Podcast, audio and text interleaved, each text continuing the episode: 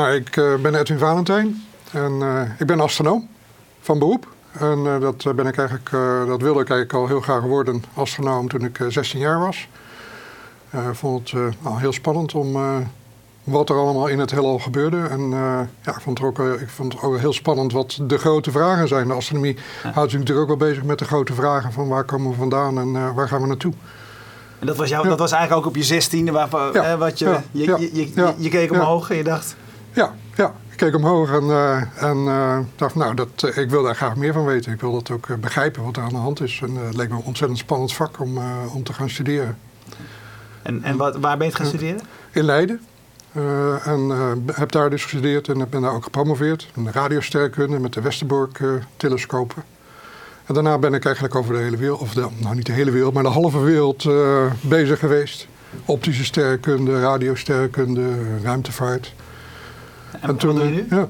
Dus nou ja, eigenlijk doordat ik op zoveel verschillende plekken bezig was. Dus ik ben in La Palma een aantal jaar geweest om daar te helpen de sterrenwacht op te bouwen. Ja, omdat ik eigenlijk eh, op, op zoveel verschillende plekken was bezig geweest, ontdekte ik op een gegeven moment dat ik specialist was geworden op IT-gebied. Want sterrenkunde is natuurlijk een vak wat heel erg gericht is op, op IT. Als er gauw er iets nieuws is, dan zijn wij de eerste die het willen gebruiken. We maken natuurlijk heel veel data. We krijgen heel veel data van onze telescopen. We willen dat dan helemaal goed bewerken en daar in de ruis gaan zitten zoeken. Wat heel veel andere takken van sport die vinden ruis heel lastig. Maar wij zitten juist in de ruis te zoeken van kunnen we daar nog uh, een heel bijzonder objectje vinden. Dus uh, ja, aldoende werd ik uh, min of meer IT-specialist. Dus ik ben nu eigenlijk heel erg bezig met de informatica van, van de astronomie. En voor, voor je gevoel ben je dat eigenlijk toevallig geworden? Ja, dat is wel zo gelopen. Ja, ja was de grootste gemene delen van uh, aan verschillende dingen die ik doe. En uh, ik heb natuurlijk, uh, ja, probeer, ben vaak weer aan het hoppen naar iets nieuws. En nou, de IT was eigenlijk de grootste gemene delen van al die nieuwe dingen die ik deed. En ook op IT-gebied is er ontzettend veel nieuws te leren in sterrenkunde. En nou, ik, daar zitten ook een aantal heel fundamentele vragen die ook weer horen bij die grote vragen. Van nou, wat is nou de rol van informatica? Wat is de rol van informatie in het heelal? Dat weten we eigenlijk helemaal niet zo goed. Daar hebben we ook geen goede theorie over. Dus uh, ja, enerzijds is het IT een heel technisch vak. Maar anderzijds heeft het IT ook wel iets van uh, ja, de informatica, de data, waar we natuurlijk allemaal nu helemaal mee worden overspoeld. En, uh, en, en, dagelijks mee bezig zijn op allerlei manieren. Maar vaak weten we helemaal niet waar we mee bezig zijn. Nee. We hebben daar geen formele theorie van. Eigenlijk doen maar wat. Ja. ja. Zo, ervaar je dat, eh, zo, ervaar, zo ervaar je dat? Ja, als je er wat dieper over gaat nadenken. Van, uh, ja, we zijn nu een uitzending aan het opnemen. We maken het digitaal. En uh, we vinden het eigenlijk heel normaal dat zometeen iemand anders daar naar gaat zitten kijken. We vinden het allemaal heel gewoon. Maar we hebben daar helemaal geen natuurkundige theorie van wat er nou allemaal precies gebeurt met die informatie. Nee. Dus, uh, en dat hoort wel een beetje ook bij de grote vragen. En dat is voor mij, dus eigenlijk is IT voor mij ook een beetje een een testomgeving om te gaan kijken van nou, hoe zit het nou met, uh, met eigenlijk de rol van data in de natuur. En dus hoort het ook op een andere manier eigenlijk bij sterkunde terecht. Van, uh, nou, hoe ga je om met de grote vragen? Ja, en dat, ja. dat is zeg maar jouw centrale vraag. Ja, dus we waren met zo'n jongetje van 16, nou ben nou geen 16 meer, maar dat is nog steeds de grote vragen. Ja. ja. En ben je met het gevoel dat je dichter bij het antwoord komt? Nou, jawel, uh, zeker. Uh, je hebt natuurlijk nu de, de, de, de, uh, het, het, hele gebeuren rond wat we nu aan big data aan het noemen zijn. Nou, met big data worden we ineens overspoeld met heel veel data. En uh, dat betekent ook dat je eigenlijk weer helemaal opnieuw moet nagaan denken van hoe ga ik daarmee om. Nou, daar zijn we een jaar of tien geleden mee begonnen. Toen uh, we een telescoop bouwden voor Chili. Ik kreeg een opdracht om een telescoop te bouwen, een grote zoektelescoop. Dus ik ga er iets over vertellen, ik laat er iets van zien. Uh, we hebben hier in, in, Chili natuurlijk de grootste Europese sterrenwacht met vier, acht meter telescopen. Die moet je eigenlijk voorstellen als zoomlenzen. Die kijken heel diep en heel fijn heel nauwkeurig, maar hebben een heel klein gezichtsveld. Eigenlijk een soort zoom, zoomlens. Nou, op een gegeven moment werd duidelijk dat uh, je toch ook wijder moet kijken, groothoeklenzen moet hebben om bijzondere objecten te kunnen vinden of statistiek te doen van een heleboel objecten.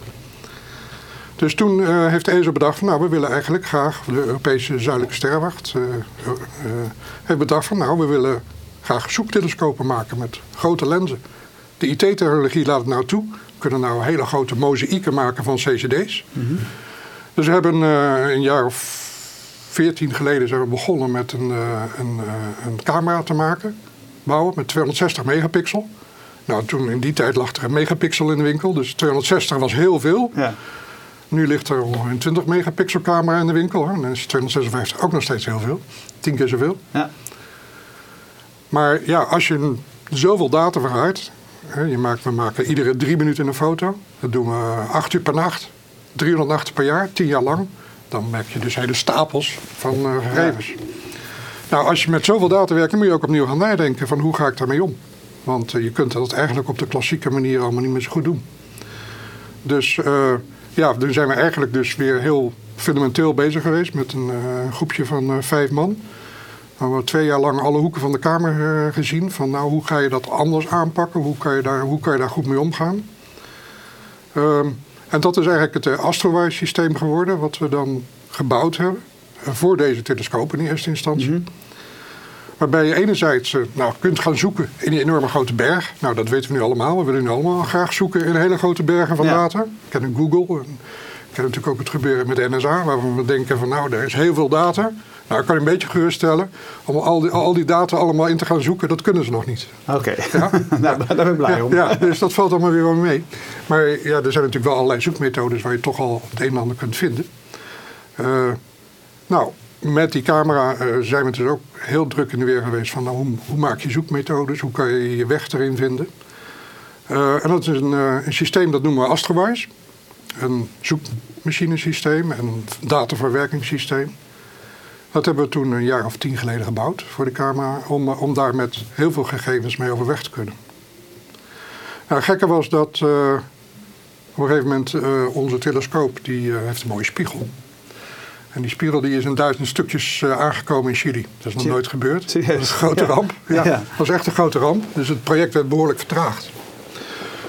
En, uh, we hadden het systeem al klaar. We wilden daar met onze 260 megapixel camera... met tien groepen op verschillende plekken in Europa. In Napels, in Parijs, in München... wilden we daar met elkaar samenwerken. Gedistribueerd systeem researchers in Napels die kunnen dan iets doen en dan zien wij het meteen. En researchers in Bonn kunnen iets doen. En die zitten allemaal elkaar gekoppeld met dat systeem. Um, heel mooi systeem gebouwd, maar die spiegel die lag in duizend stukjes in, uh, in, een kweet, in een container in, in Chili. Ja, dus al die onderzoekers zaten te wachten op de eerste resultaten, maar, maar er kwam niks. Ja, er kon niks. Dus het heeft een paar jaar vertraging opgeleverd bij het project. Nou, toen hebben we eigenlijk van de nood een deugd gemaakt. nou, we hebben zo'n heel mooi systeem gemaakt om met heel veel data om te gaan. Hebben het gevoel dat we daar best wel eh, een hele nieuwe methodiek hebben, die heel handig is. En laten we dat nu gaan uh, gebruiken voor andere projecten.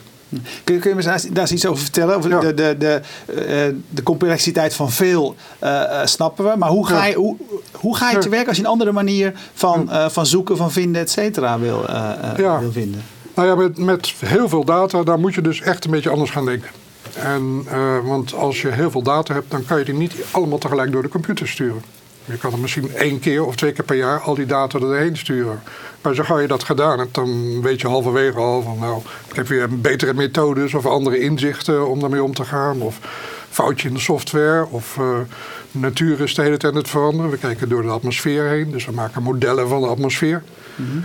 En uh, Soms komt een slim iemand langs en die zegt: Ik weet een veel beter model. En dan heb je al die data al geprocessed. Kan je weer opnieuw beginnen. Dan ben je weer een jaar bezig. Dus dat wil niet. Uh, en dus hebben we bedacht van je moet eigenlijk van achter naar voren werken. Je moet uh, uh, werken vanuit de beleving van de gebruiker. De gebruiker moet eigenlijk de vraag stellen en het systeem moet gaan reageren en gaan uitrekenen aan de hand van wat de gebruiker graag wil. Dan krijgt hij ook altijd meteen het up-to-date resultaat met de beste software, de beste, beste inzichten. Dus we hebben een systeem gebouwd wat uh, min of meer van achter naar voren werkt. In ieder geval in de belevenis van de, van de gebruiker. Maar ook in de abstracties. Als je software modelleert en al dat soort dingen modelleert, dan modelleren we eigenlijk altijd van achter naar voren. Dus ja, maar kun, je efficiënt, kun je dus efficiënter werken voor ja, kan je veel het systeem? Veel efficiënter werken en je kunt ook veel beter de, de, de, de verlangens van de gebruiker beantwoorden. Dus in plaats van dat je alles maar proces dan door de machines heen haalt. En misschien of het ooit gebruikt wordt, weet je het wel niet eens. Mm -hmm. uh, dan ga je het juist doen aan de hand van wat de gebruiker graag wil. Nou, de gebruiker kan ook zeggen, doe mij de gegevens van een hele maand. En maak dat even goed. Dus het kan nog steeds heel veel zijn wat hij wil. Maar het is echt een heel andere benadering.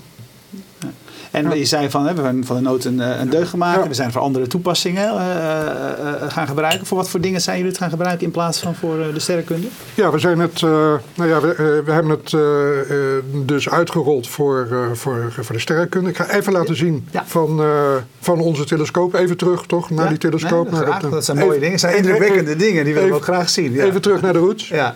Dus dit is die telescoop in Chili. Die is in, in Napels gebouwd. En dit is de camera, die 260 megapixel camera. Die, uh, nou, je ziet, uh, ik mocht nu, nu pas een foto maken, want de ingenieurs, uh, op dit moment een foto maken, want de ingenieurs die hadden nu alle kabeltjes netjes opgeborgen. Maar ze wilden geen, ze wilden geen slordige, slordige plaatjes naar buiten. Ja, je ziet dat het on, desondanks een, een zinnig oerwoud van kabels is een heel ingewikkeld instrument. Ja. Ehm, dit is de uitzicht van de controlekamer. Prachtig. Ja, ja. in de Atacama-woestijn, een van de droogste plekken op aarde. 2.500 meter hoogte in Chili. Is dat droge belangrijk? Droog is heel belangrijk en uh, voor ons, voor de optische sterkte is het ook heel belangrijk dat er geen wolken zijn. Er staan hier trouwens wel wat wolkjes op. Maar het is over het algemeen heel onbewolkt. En natuurlijk, je hebt allemaal hele dure spullen, dus je wil zoveel mogelijk uh, naar, uh, naar de hemel kijken en niet naar de wolken. Dus daarom zitten we zo ver weg. Ehm, nou, dit is een plaatje dat een beetje laat zien van hoe groot dat die, die, het beeldveld wat niet is. Ik heb de maan er maar even ingezet. De maan is een halve graad. Um, die CCD of die, uh, die VLT, die hele grote zoomtelescopen, die kunnen net een kratertje op de maan zien. En dan natuurlijk heel goed. Ja. Dit is een zoektelescoop, die kijkt de hemel omheen. Heel groot gebied van de hemel. Nou, dit is een plaatje wat, uh, wat dan een resultaat is. Moet je je voorstellen, er zit hier een paar honderdduizend regels computercode tussen. Misschien nog wel meer. Een half miljoen regels computercode om dit plaatje te maken. En, uh, dit plaatje is gemaakt aan de hand van drie kleuren, drie plaatjes. Maar ieder plaatje is weer gemaakt aan de hand van wel 500 CCD's die uitgelezen zijn. Er okay. zitten dus wel 1500 plaatjes en één zo'n plaatje. Ja, ja, dus ik denk dat ik, een, ik, denk ja. dat ik een simpele foto zie, zeg ja. maar. Maar ja, ja. daar komt dus, meer bij kijken. Ja, de vliegtuigen zijn eruit gehaald, de, de kosmische straling, uh, allerlei dingen zijn eruit gehaald om echt dat hele mooie, perfecte plaatje te maken. Dus uh, om dat allemaal te doen hebben we die techniek gebouwd. Hè? En die techniek hebben we dan samen met partners in, uh, in Europa gebouwd. Nou, de vraag was van... Uh, uh, nou, laten we even zien van soort, soort de computerinfrastructuur die we gebouwd hebben. Met, uh, het moest allemaal schaalbaar zijn.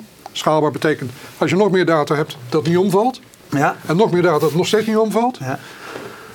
Um, nou, dit, dit, is een plaatje die dat laat zien. Dus je hebt een schaalbare computerclusters. Die nu in de grote computer uh, hallen ziet staan. Die duizenden computers die allemaal op een rijtje staan. We hebben schaalbare opslagsystemen.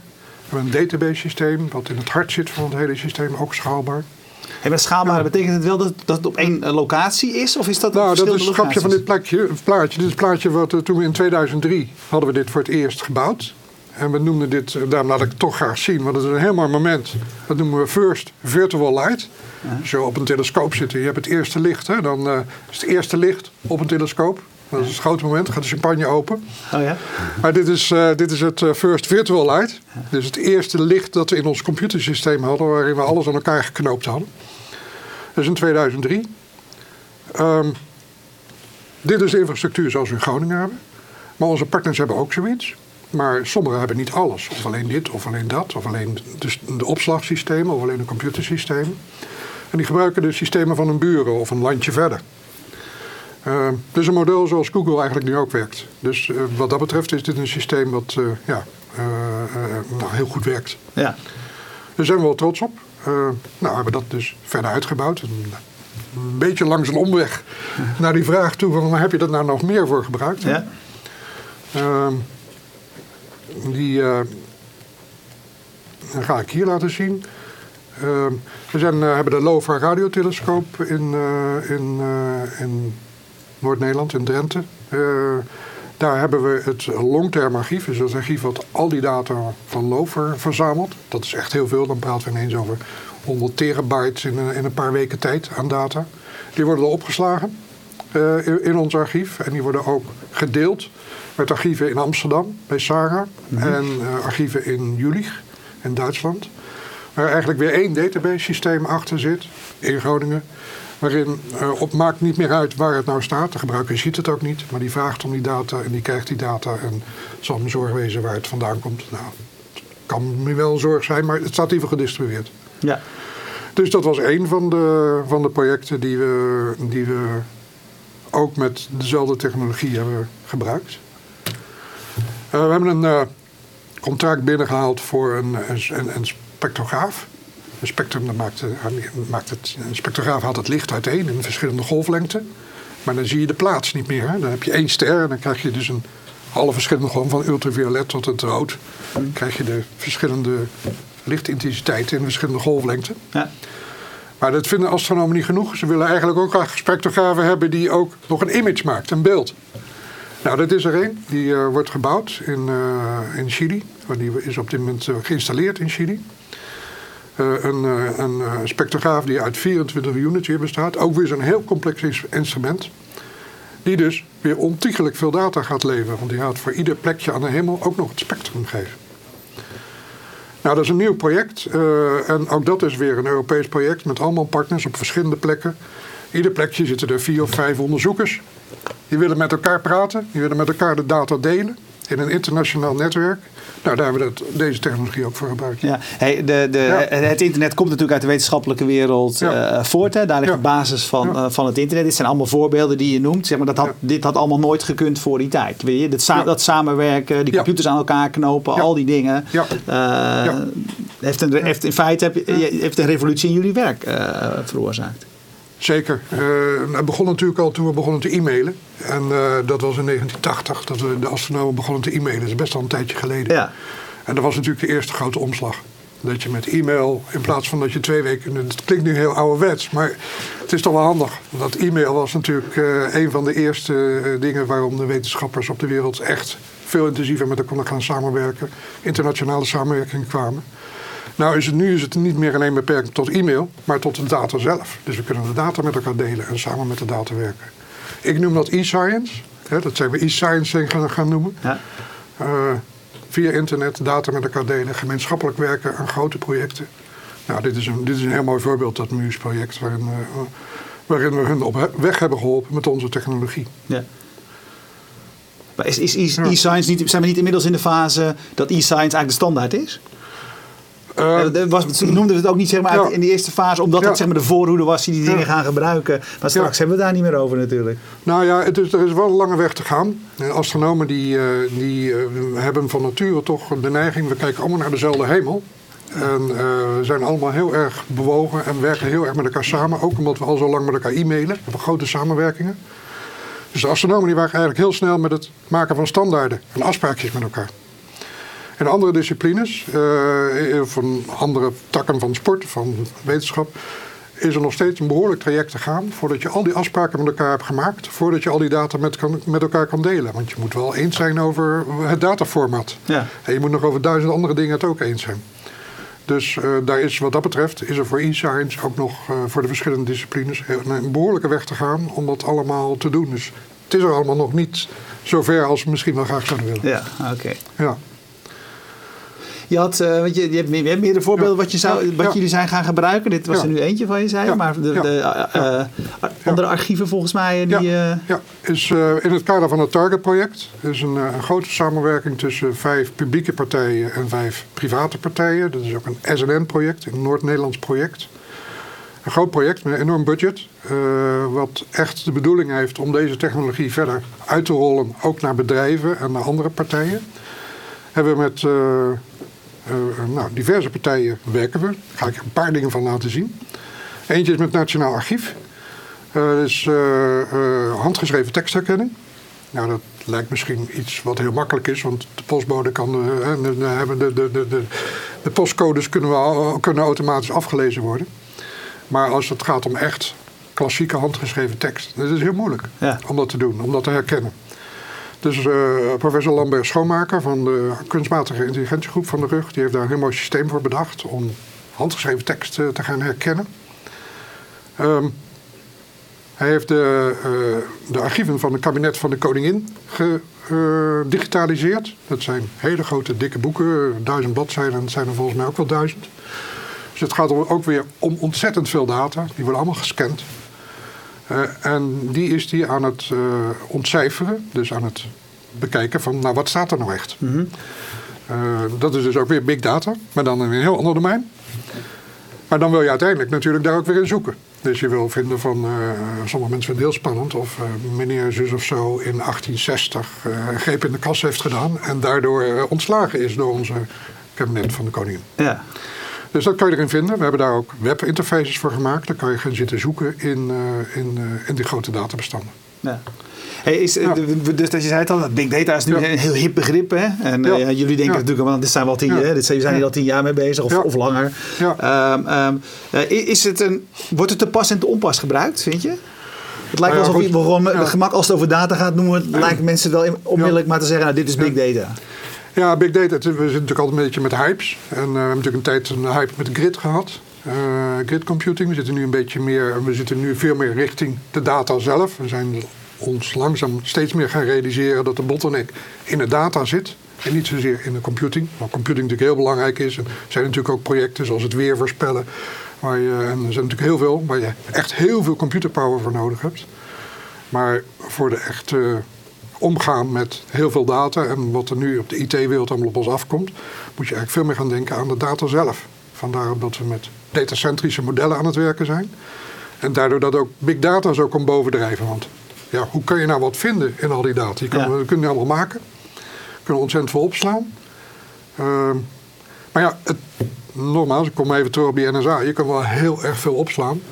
Maar dat wil nog niet zeggen dat je daar van alles uh, zomaar even in kunt vinden. Want om die data te scannen, daar uh, heb je jaren voor nodig. Dus dat, je hebt toch veel slimmere systemen nodig om, uh, om ermee mee om te gaan. Ja, dus je zegt eigenlijk van het, ja. het, opslaan ja. op zich, nou ja, dat kan allemaal ja. wel beter en kan sneller, et cetera. Dat is eigenlijk niet het, het probleem. Het probleem is er waarde uithalen. Ja, precies. Dus dus als je het hebt over big data, dan enerzijds natuurlijk, uh, ja, natuurlijk de opslag. En, uh, en het is heel belangrijk om dat energiezuinig te doen. Want je kunt zo hele, hele energiecentrales verbranden om al die data maar op gebruiken om die data op te slaan. Daar moeten we heel voorzichtig in zijn. dus er zijn heel veel issues met het opslaan van veel data. Maar de echte, het ja, de, de, echte vooruitgang die we met elkaar uh, proberen te boeken, is ook om daar de dingen in te vinden en statistieken, statistieken te doen. Ja, en wat jullie nu aan het doen zijn, is anders gaan redeneren, ja. redeneren vanuit, vanuit de vraag. Uh, is, dat, is, is die, die manier van werken is die, is die te, te algemeniseren? Is die eigenlijk op allerlei uh, ja, nou gebieden? Ik, de, de, ik laat dit, nu even die tekst zien, want dat was voor ons ook een hele mooie showcase om te laten zien. Ja, wij zijn niet alleen maar bezig met sterren en, en, sterrenstelsels. Maar dat je hetzelfde systeem ook in kan zetten op een heel ander vakgebied. Dus dit tekstgebeuren uh, was een van de eerste waar we mee mhm. werkten. We werken nu ook met het, uh, het Lifelines project. Dat is een uh, project met 165.000 proefpersonen. Waarin we alle genetische en ziekenhuisdata verzamelen. Dat gebeurt door het Lifelines project. Dat gebeurt niet door mij of door ons, maar dat gebeurt door het Lifelines project. Maar wij huisvesten hun databases. En we koppelen ook weer de verschillende databases, de genetische databases, die verschrikkelijk veel data hebben, en de ziekenhuisdatabases aan elkaar, zodat je daar onderzoek op kan doen. En ook bijvoorbeeld de verbanden kan leggen tussen wat er in het ziekenhuis gebeurt en wat voor klachten een persoon heeft, of wat voor bevindingen je hebt, of wat bloeddruk of whatever. Uh, en dat je dat kunt koppelen aan, uh, aan het genetisch profiel. Dus dat is een. Uh, ja, we zetten daar min of meer, niet precies, maar wel min of meer dezelfde technieken ook in. Ja. Dus, uh, ja. En, maar welke relatie heeft het nu nog? Hè? Je, ja. je zegt, ik ben, uh, ik ben astronoom. Ja. Hè? Uh, dus, en, en wat, wat, jullie op de universiteit doen, welke relatie heeft het nog met je originele vakgebied? Nou ja, we, toch. Um, enerzijds doen we natuurlijk heel veel projecten. Daar kan ik zo ook best nog veel meer van vertellen. Ja, graag, ja. Maar ik had het net al over die, de, de fundamentele waarde van data. Wat is het nou? Nou, dat is natuurlijk, als je, we hadden het net over genetica. Maar genen is natuurlijk één string van data. Zijn, eh, in feite kun je genen ook modelleren als 1 en nullen. Dus uh, dat is ook wel weer een moment dat je realiseert dat uh, informatie in de natuur eigenlijk een heel intrinsieke component is. Dus ik vind het zelf heel erg boeiend om ook met dit soort projecten bezig te zijn, waardoor je toch weer wat extra gevoel krijgt van nou, data, dat is toch iets wat in de natuur ingebakken zit. Ja, en we weten daar nog eigenlijk heel weinig van, hè? Nee, we weten wel dat een tweeling op elkaar lijkt. Ja, we hebben allebei dezelfde data. Maar we weten ook dat ze dan na verloop van tijd weer een beetje anders gaan ontwikkelen, omdat het toch weer een invloed van de omgeving is. Maar nou, daar, is, daar weten we nog heel weinig van aan. Maar ik noem maar even een tweelingvoorbeeld. Want dat, dat snappen we allemaal wel. Ja, ja, ja. ja. ja. ja, ja, ja. boeiend. Um, Even kijken, wat zijn nou de, de, de als je, als je die, die, die vooruitgang ziet, computing sterker, we weten, hè, we, jullie werken aan nieuwe manieren om, uh, om dat te analyseren, er dingen van te doen. Wat zijn voor jullie nou de grote drempels die, die, die, die je nog over moet?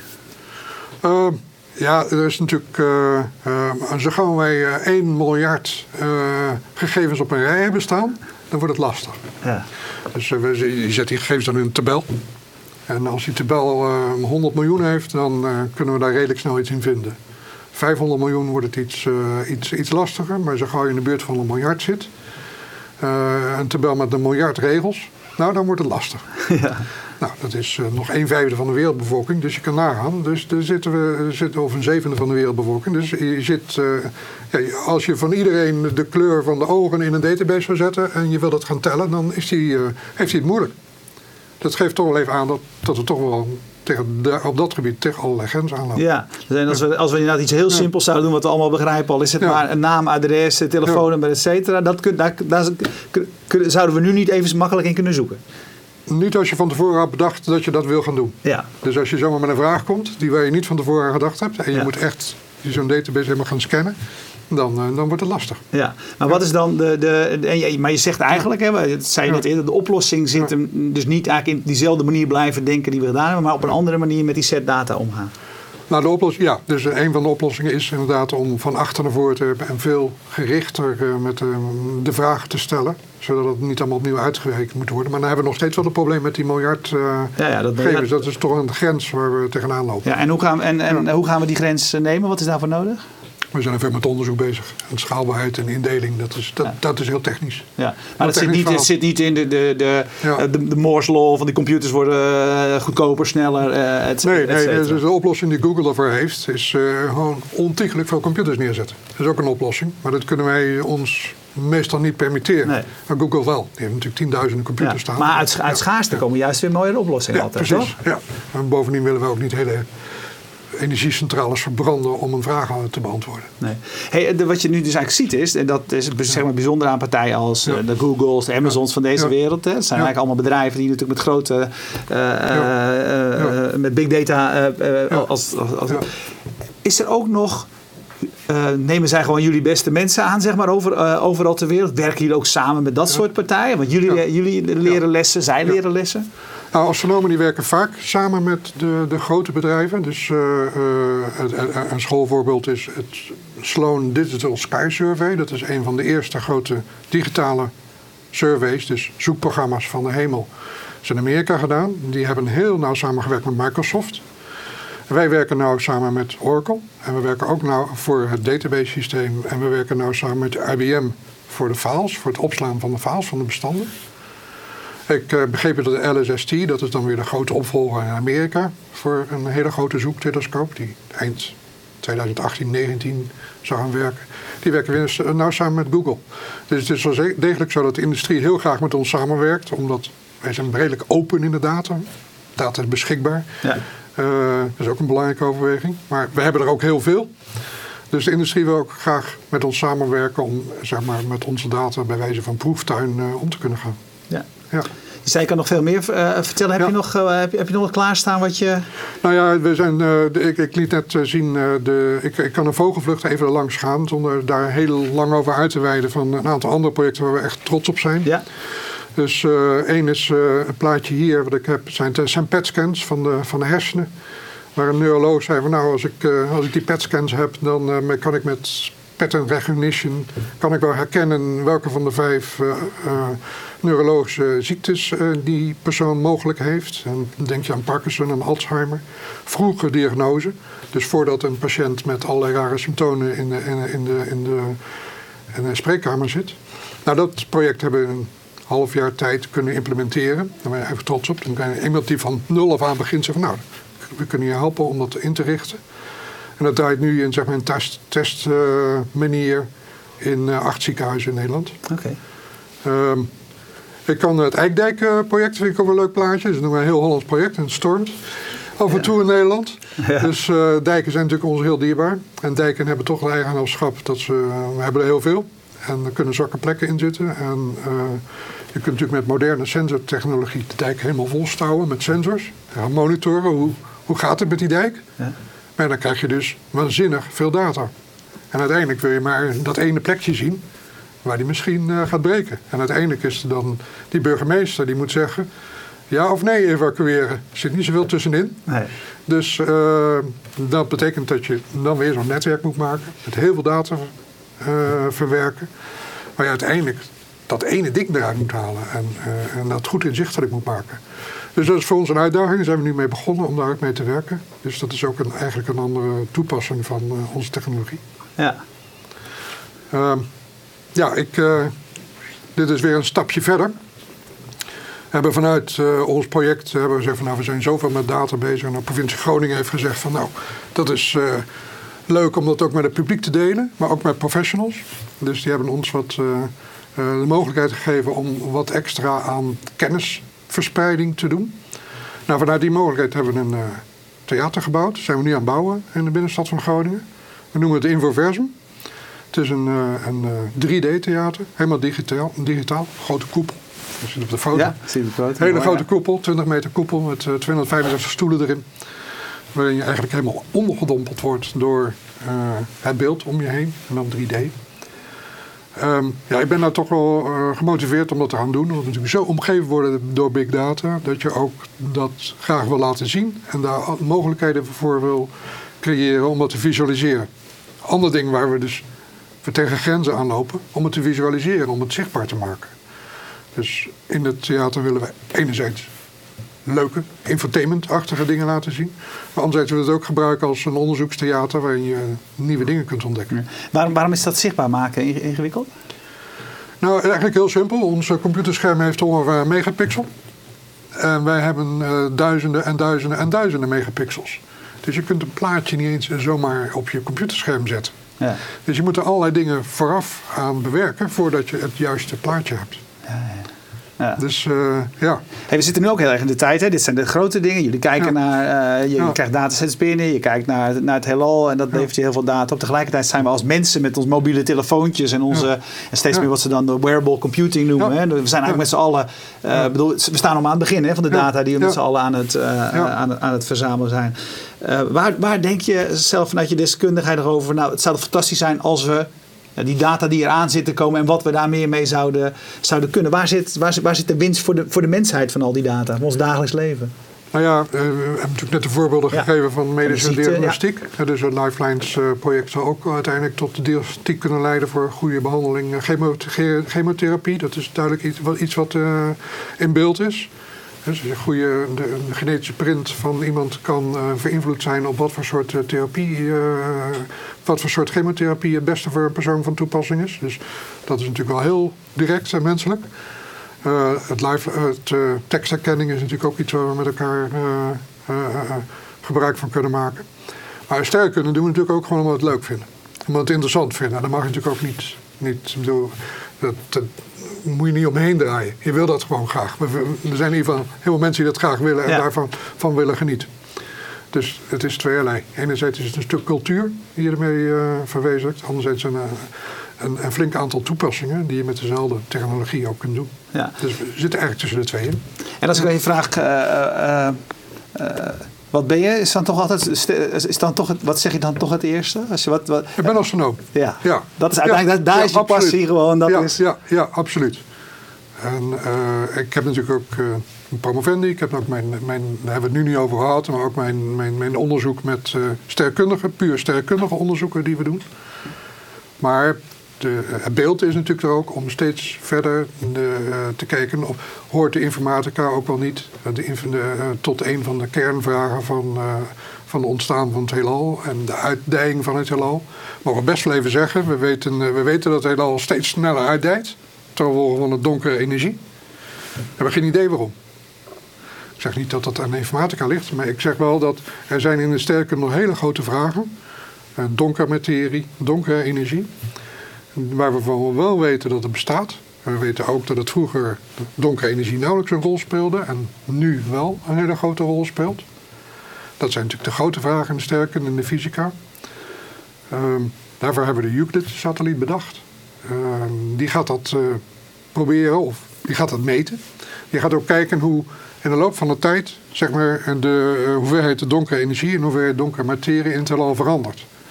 De hoeveelheid, de fractie van donkere energie en de fractie van donkere materie. Als je nou ziet hoe dat als verloop van tijd verandert, dan kan je wat beter begrijpen welke modellen wel van toepassing zijn en welke niet. En het idee is dat je dan aan de hand daarvan kunt bepalen wat maakt nou dat het heelal steeds uitdijt. Uh, steeds sneller uitdijt in feite. Nou, dat zijn fundamentele vragen. Dat zijn ook fundamentele vragen voor de fysica. De, de fysici hebben natuurlijk nu het Higgs-deeltje gevonden. Een van de grote, grote verworvenheden van de LHC. Uh, eh, maar er zitten nu een aantal volgende grote vragen aan te komen. Wat is donkere energie?